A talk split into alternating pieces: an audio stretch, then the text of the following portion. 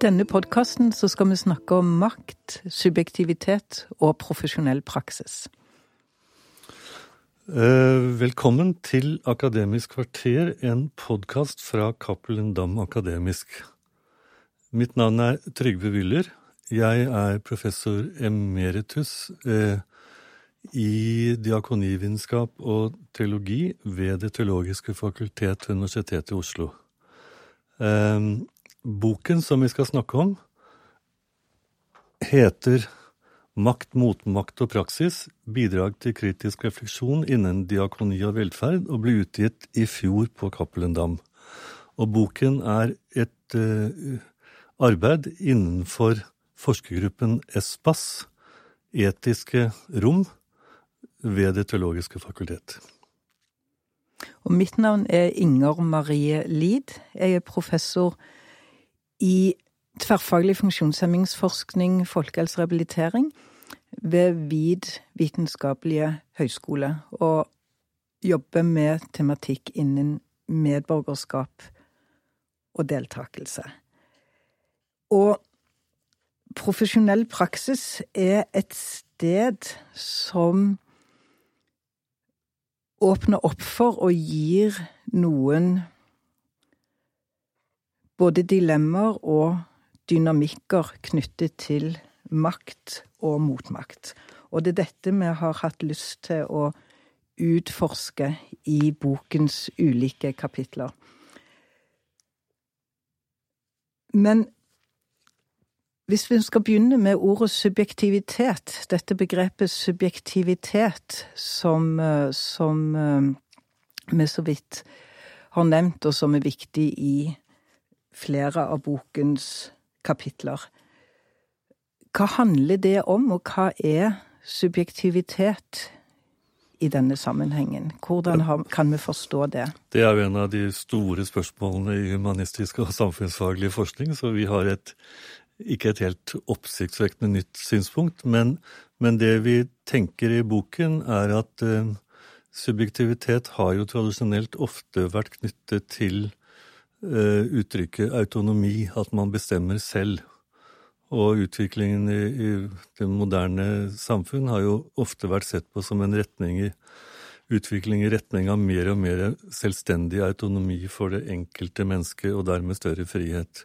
Men i denne boken, som jo eh, også er teoretisk forankret i Michel Foucaults arbeider, både de tidlige og de senere, så er det an noen andre synspunkter på subjektivitet som spiller en større rolle, ikke sant?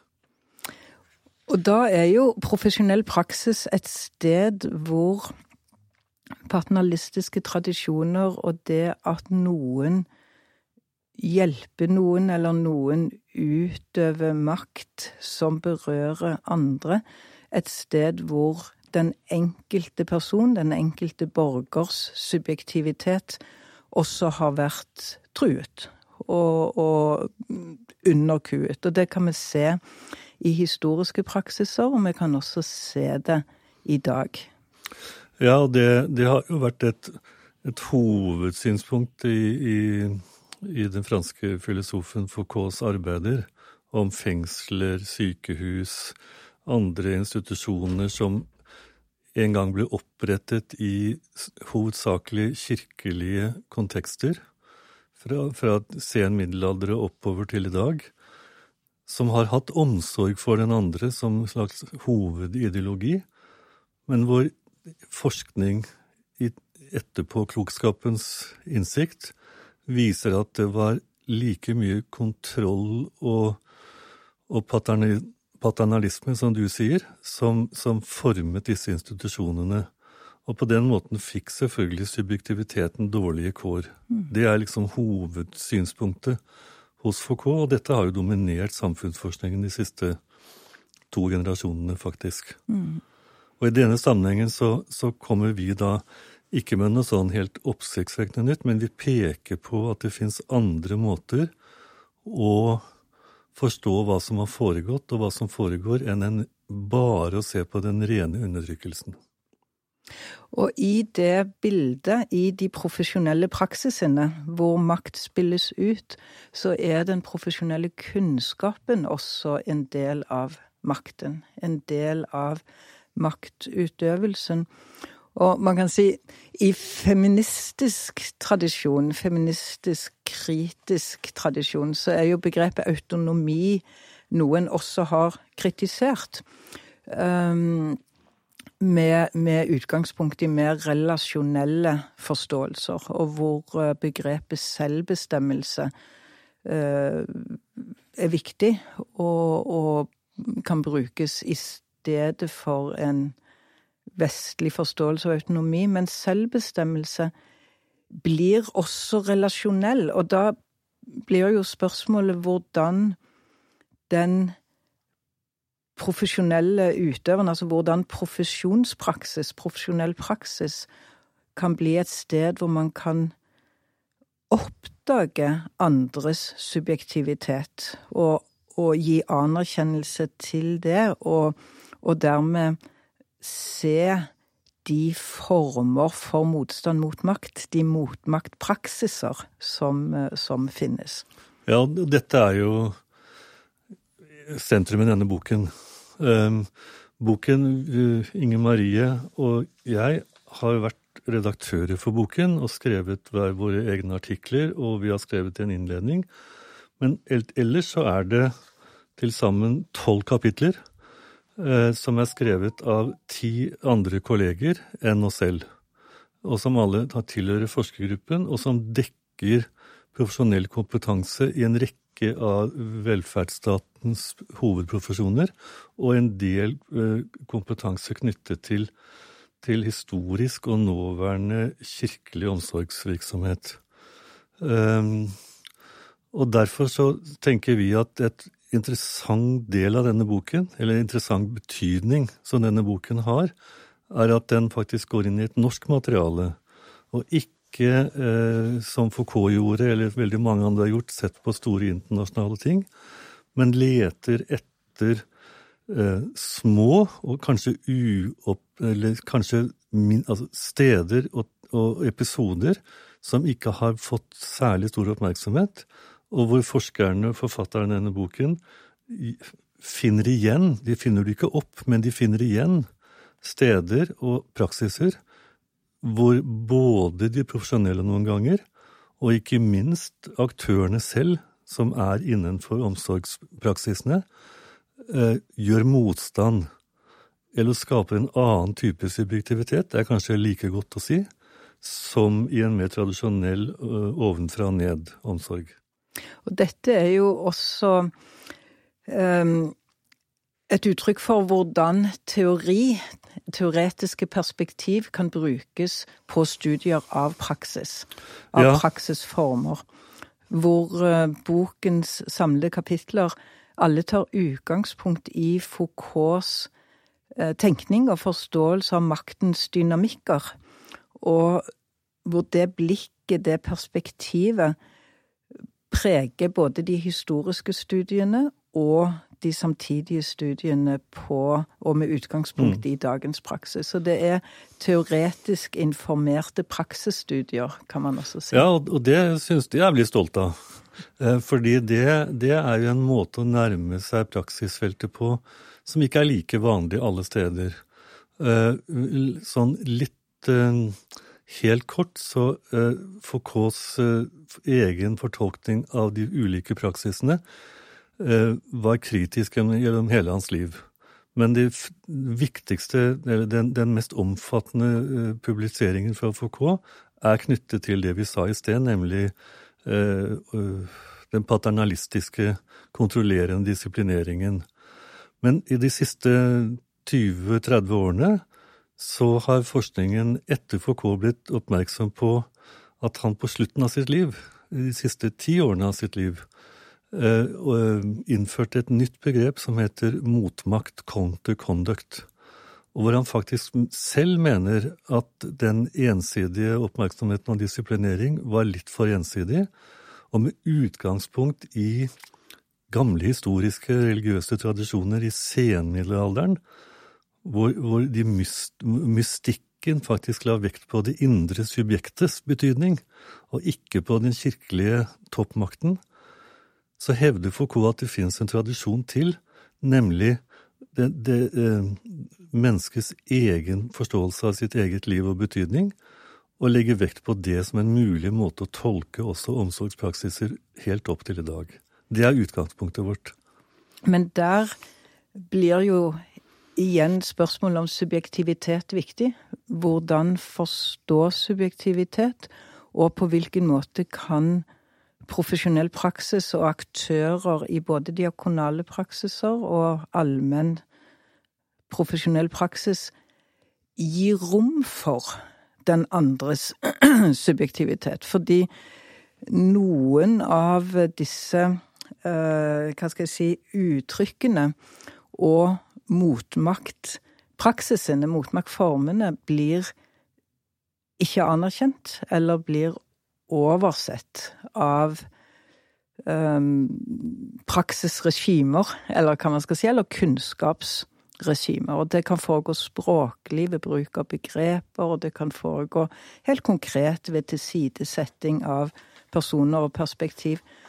Og hvis vi da tenker over hvorfor forskningsgruppen Espace, eh, etiske rom, ønsket å jobbe noen år med denne tematikken og skrive boken, så handler det om å bidra til en gjenoppdagelse og en anerkjennelse mm. av disse posisjonene som posisjoner som er verd å gi rom og verd å lytte til. Ja, og som veldig alle, egentlig alle disse kapitlene i boken eh, legger vekt på. Um, det gjelder å gjenoppdage eller oppdage ting som faktisk hele tiden har foregått. Men det som kanskje gjør denne gjenoppdagelsen eller oppdagelsen spesielt viktig innenfor profesjonell praksis, er at den fører til en kritisk refleksjon om met såkalte metoder eller metodologier som profesjonell praksis alltid forholder seg til. Det vi tenker som et viktig utbytte eller kunnskapsutvikling fra denne boken, er at vi håper at artiklene og summen av boken kan bidra til en større kritisk refleksjon om at profesjonell metodikk også må være oppmerksom på alle de små og tilsynelatende ubetydelige ting som, som klienter, pasienter, brukere, borgere, aktører har, og tillegge dem større betydning enn de har gjort hittil. Og det må det må innpasses i metoden og være oppmerksom på det. Det er vel en sånn Hvis jeg skal peke på en moral her, så er det noe sånt vi gjerne vil.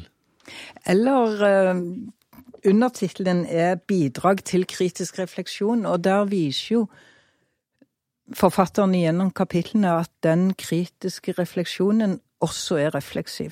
At det er en den, den er selvrefleksiv på egen praksis, men også på egen fagtradisjon. Mm. Så de ulike fagtradisjonenes kunnskapsregimer er gjenstand for refleksjon i boken, og som du er inne på, metode metodologiske, hvor forskningen, altså selve den måten å utvikle kunnskap på systematisk for å uh, utvikle god praksis, også underlegges kritisk refleksjon, med tanke på hvem som har hatt mulighet til å bidra inn i forskning, og hvordan en kan arbeide sammen i nye samarbeidsformer mm. i forskning. Og det er klart at, at et hovedsynspunkt for å gå videre på det samme resonnementet, er at eh, dersom det skal komme en kritisk refleksjon som også er selvkritisk i forhold til de profesjonelles eh, rolle i dette feltet, så kreves det at man blir eh, mye mer oppmerksom på brukernes, borgernes, mer, de som faktisk er, er objekter for denne omsorgen, for å snakke med den egentlig ikke helt vellykkede formuleringen. De som mottar omsorg. Stem, deres stemmer, deres kropper, Eh, deres livshistorier må tillegge større betydning. Og artiklene i boken viser at hvis de så å si slipper til, enten med egen makt eller at de profesjonelle i samvirke med dem lytter og hører etter på en annen måte, så øker kvaliteten i dette feltet. Altså kvaliteten øker i forhold til den type subjektivitet som ikke bare handler om uavhengighet, men om, om relasjonalitet og samarbeid. Mm. Makt som da Foucault viser, og som òg vi gjennom blikket fra Foucault, det teoretiske blikket fra Foucault, ser, er at makt er konkret og kommer til syne i konkrete situasjoner. Og det gjør også motmakten. Den er mm. også konkret, men fordi den kommer et annet sted fra og har mindre institusjonell støtte, så har den vært mulig å overse og lettere å overse.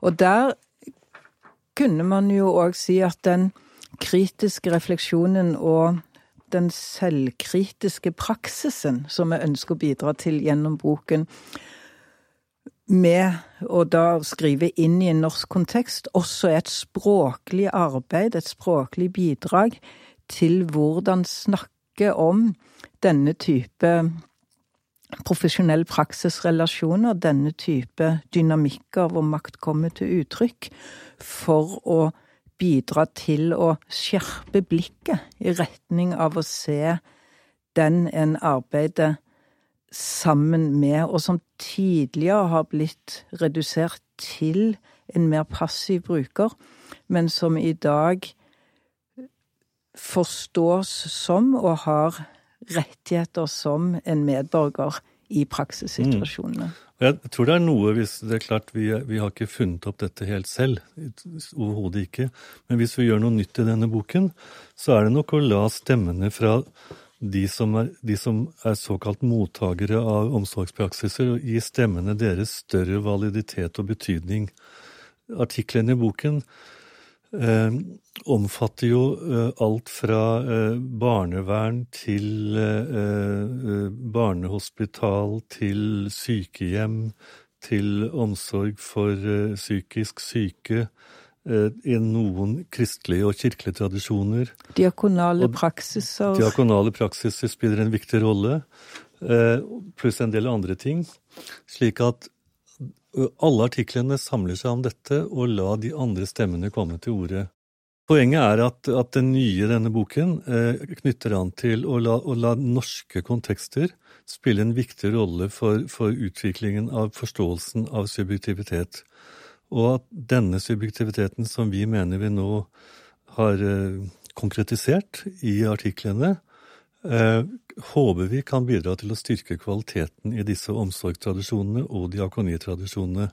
Det interessante er at både diakonitradisjonene og de mer sekulære omsorgstradisjonene har denne eh, holdningen til mottakere ganske felles.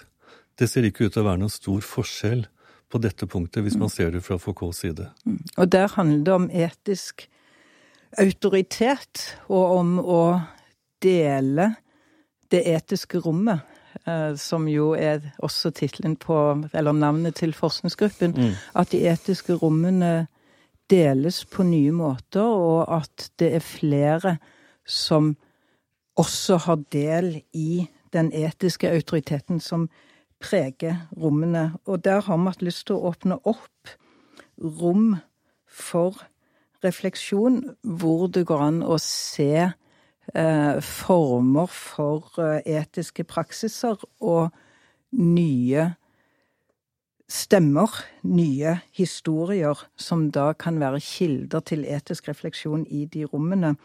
Og da rette oppmerksomhet mot utøvelsen av makt og motmakt i dagens profesjonelle eh, rom.